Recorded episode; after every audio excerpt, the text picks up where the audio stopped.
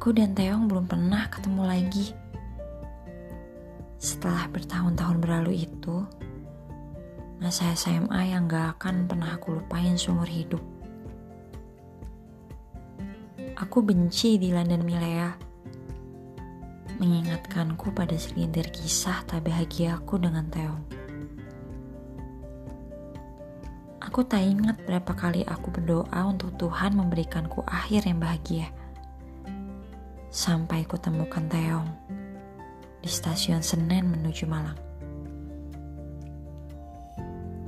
Jadi, bisakah aku simpulkan bahwa aku punya kesempatan untuk berakhir bahagia dengannya.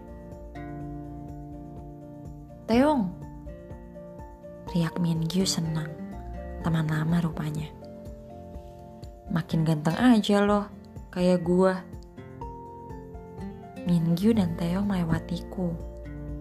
Tatapanku tak pernah bisa lepas dari sosok yang tak terjamah olehku setelah bertahun-tahun berlalu.